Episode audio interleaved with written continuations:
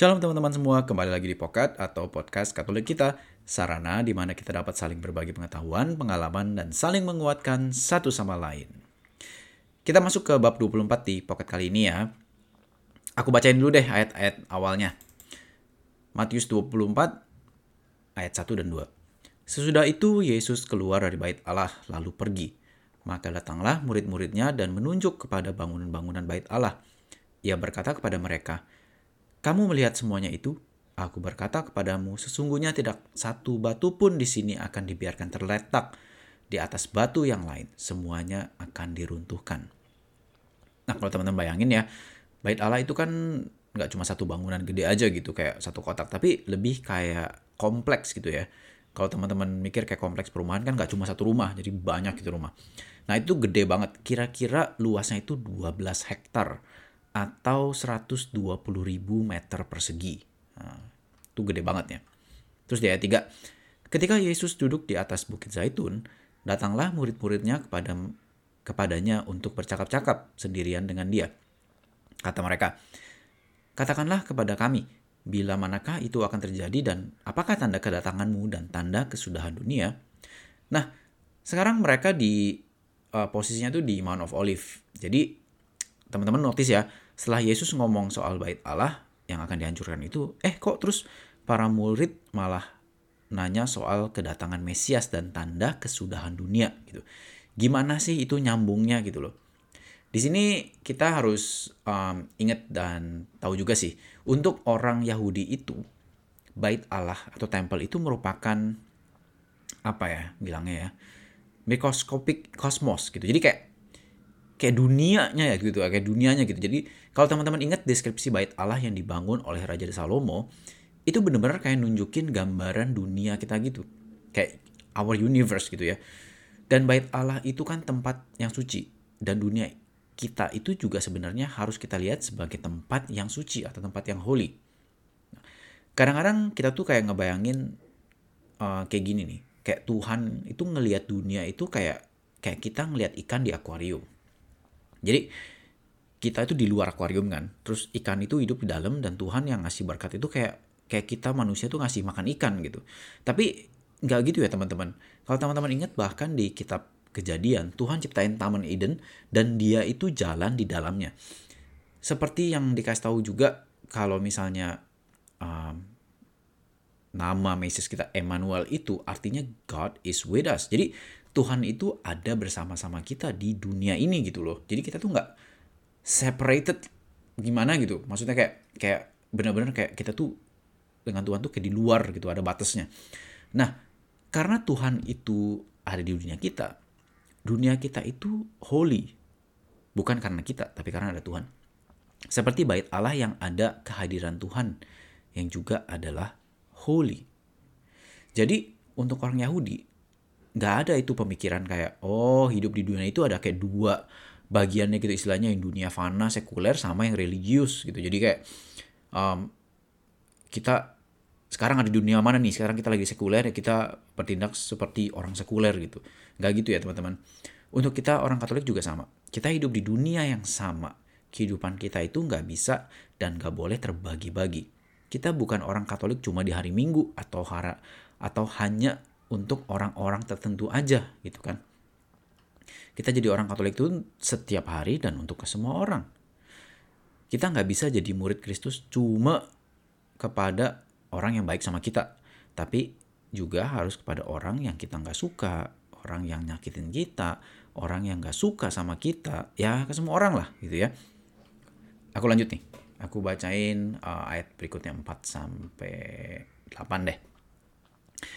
Jawab Yesus kepada mereka, Waspadalah supaya jangan ada orang yang menyesatkan kamu, sebab banyak orang yang datang dengan memakai namaku dan berkata, "Akulah Mesias," dan mereka akan menyesatkan banyak orang. Kamu akan mendengar deru perang atau kabar-kabar tentang perang. Namun berawas-awaslah, jangan kamu gelisah, sebab semuanya itu harus terjadi, tetapi itu belum kesudahannya. Sebab bangsa akan bangkit melawan bangsa dan kerajaan melawan kerajaan. Akan ada kelaparan dan gempa bumi di berbagai tempat. Akan tetapi semuanya itu barulah permulaan penderitaan menjelang zaman baru. Nah, Di sini kita mungkin berasa serem ya, kayak Yesus nih ngomongin tentang bait Allah di Yerusalem atau end of the world sih. Ya kita balik lagi, kalau bait Allah itu adalah kayak precursor dunia kita, ya harusnya apa yang terjadi bait Allah nantinya akan terjadi juga di end of the world, ya sebelum the second coming. Dan dari sejarah kita tahu kalau bait Allah itu dihancurkan um, nantinya di tahun 70 sudah masih jadi ya um, beberapa tahun setelah mereka apa namanya um, mengalami percakapan ini dengan Yesus ya. Kalau teman-teman bayangin ada di saat itu dan teman-teman bayangin juga kalau teman-teman itu orang Yahudi ya. Teman orang teman-teman ini teman-teman orang Yahudi dan ngeliat temple itu diserang dan mau dihancurin. Sebagai orang Yahudi yang salah dan taat, teman-teman pasti mau mati-matian ngebela dong. Mempertahankan, ya enggak? Menurut catatan sejarah yang ditulis oleh Eusebius tentang hal ini, dia bilang ketika pengikut Yesus dan murid-murid Yesus dimintain untuk ngebela bangunan bait Allah, mereka malah nggak mau dan meninggalkan. Kalian kebayangan gak sih?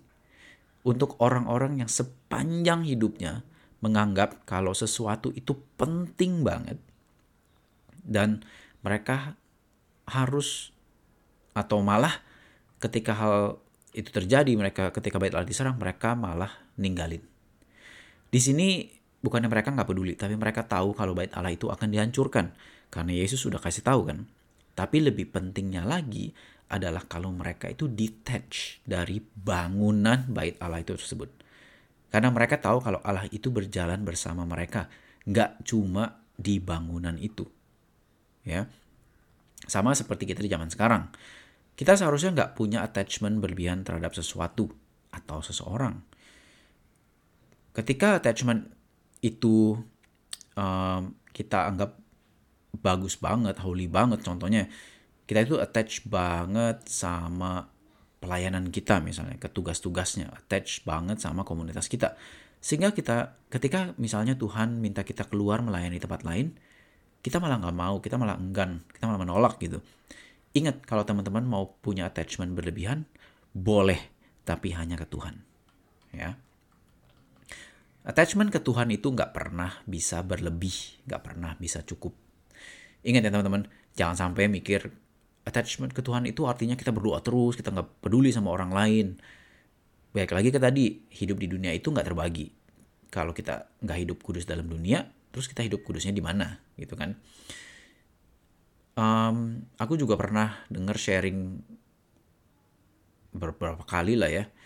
Um, banyak pelayan-pelayan awam di gereja yang melayani terus tapi keluarganya berantakan atau gampangnya gini deh misalnya teman-teman mau pergi gereja terus udah telat nih kalian lari-lari gitu udah udah capek keringetan kalian bener-bener pokoknya nggak mau telat deh datang gereja gitu eh terus ada orang jatuh di jalan kalian akan stop atau terus aja ke gereja demi nggak telat ingat lagi kalau kita dekat sama Tuhan kita akan tahu apa yang Tuhan mau lakuin. Mau Tuhan, apa yang Tuhan mau kita lakuin. Terkadang apa yang kita lakuin dan kita pikir itu bagus, itu belum tentu apa yang Tuhan mau. Dan untuk tahu apa yang Tuhan mau, kita perlu terus dekat dengan Dia. Di situ kata yang penting adalah terus dekat, nggak cuma sekali-sekali. Nah, jadi teman-teman ingat di sini biarpun Yesus kasih profesi atau nubuat tentang kehancuran bait Allah atau penghakiman Yerusalem, tapi juga teman-teman lihat gimana kalau itu tuh nyambung dengan penghakiman terakhir di akhir zaman nanti. Soalnya um, banyak yang baca misalnya nih ya di ayat 29. Segera sesudah siksaan pada masa itu, matahari akan menjadi gelap dan bulan tidak bercahaya dan bintang-bintang akan berjatuhan dari langit dan kuasa-kuasa langit akan goncang. Terus mikir, nah ini Yesus kasih prediksi ini kan, tapi kok nggak kejadian? Berarti kalau gitu Yesus itu bukan Tuhan lah, dia pasti orang biasa kan dia bisa salah gitu. Ya nggak? Nggak gitu ya teman-teman. Jadi kita lihat lagi pergantian dan uh, sambungan atau link antara kehancuran Yerusalem sama penghakiman di akhir zaman. Ini juga sebenarnya kita bisa temuin di hal yang serupa di misalnya di Yesaya bab 13 di mana di situ diceritakan tentang profesi akan kehancuran Babylon dan juga ngeling ke penghakiman akhir zaman. Makanya di ayat 35 nanti kita bakal ngeh kalau Yesus itu bilang Langit dan bumi akan berlalu, tapi perkataanku tidak akan berlalu. Jadi, um, biarpun nanti di akhir zaman, firman Tuhan itu nggak akan hilang, nggak akan berlalu. Dan di sini Yesus mention lagi berikutnya di ayat 36. Tetapi tentang hari dan saat itu tidak seorang pun yang tahu, malaikat-malaikat di surga tidak, dan anak pun tidak, hanya Bapa sendiri. Jadi Obviously yang Yesus maksud di sini bukan hari di mana Yerusalem atau bait Allah itu hancur ya, karena hal itu udah dikasih tahu. Jadi ini tuh refer ke end of time. Nah, tapi di sini juga suka ada yang bilang nih, oh kalau Yesus nggak tahu kapan end of time, berarti Yesus bukan Tuhan dong. Nah, gimana kita ngertiin hal ini? Balik lagi tentang hal ini kita bisa lihat ke uh, eh, KGK atau CCC nomor 474. Aku bacain. By its union to the divine wisdom in the person of Word incarnate, Christ enjoyed in his human knowledge the fullness of understanding of the eternal plans he had come to reveal. What he admitted to not knowing in this area, he elsewhere declared himself not sent to reveal. Jadi di sini yang dimaksud dengan tidak tahu atau not knowing itu refer ke dia kalau ke dia Yesus itu nggak dikirim oleh Bapa untuk kasih tahu hal tersebut. Yesus itu Tuhan, dia itu satu dengan Bapa. Kristus tahu the day and the hour. Tapi in his missions di dunia, itu dia nggak dikirim untuk reveal hal tersebut. Ngerti ya? Jadi jangan bingung karena hal ini jangan mikir kalau oh Yesus itu bukan Tuhan. Yesus itu kayak tingkatannya di bawah Allah Bapa gitu. Nggak gitu ya. Karena ini sering banget yang bikin kayak kita itu bingung dan oh kalau gitu Yesus itu kayak rankingnya nomor dua gitu. Ayah Bapak nomor satu, Yesus nomor dua, Roh Kudus mungkin nomor tiga gitu. Nggak. They all in the same rank istilahnya ya. Mereka itu satu soalnya. Sampai sini dulu teman-teman pokoknya kita ketemu lagi di bab 25 di pocket berikutnya. Aku tunggu feedbacknya di DM Instaku ya at wari.piodajarat. Thank you for listening and God bless you all.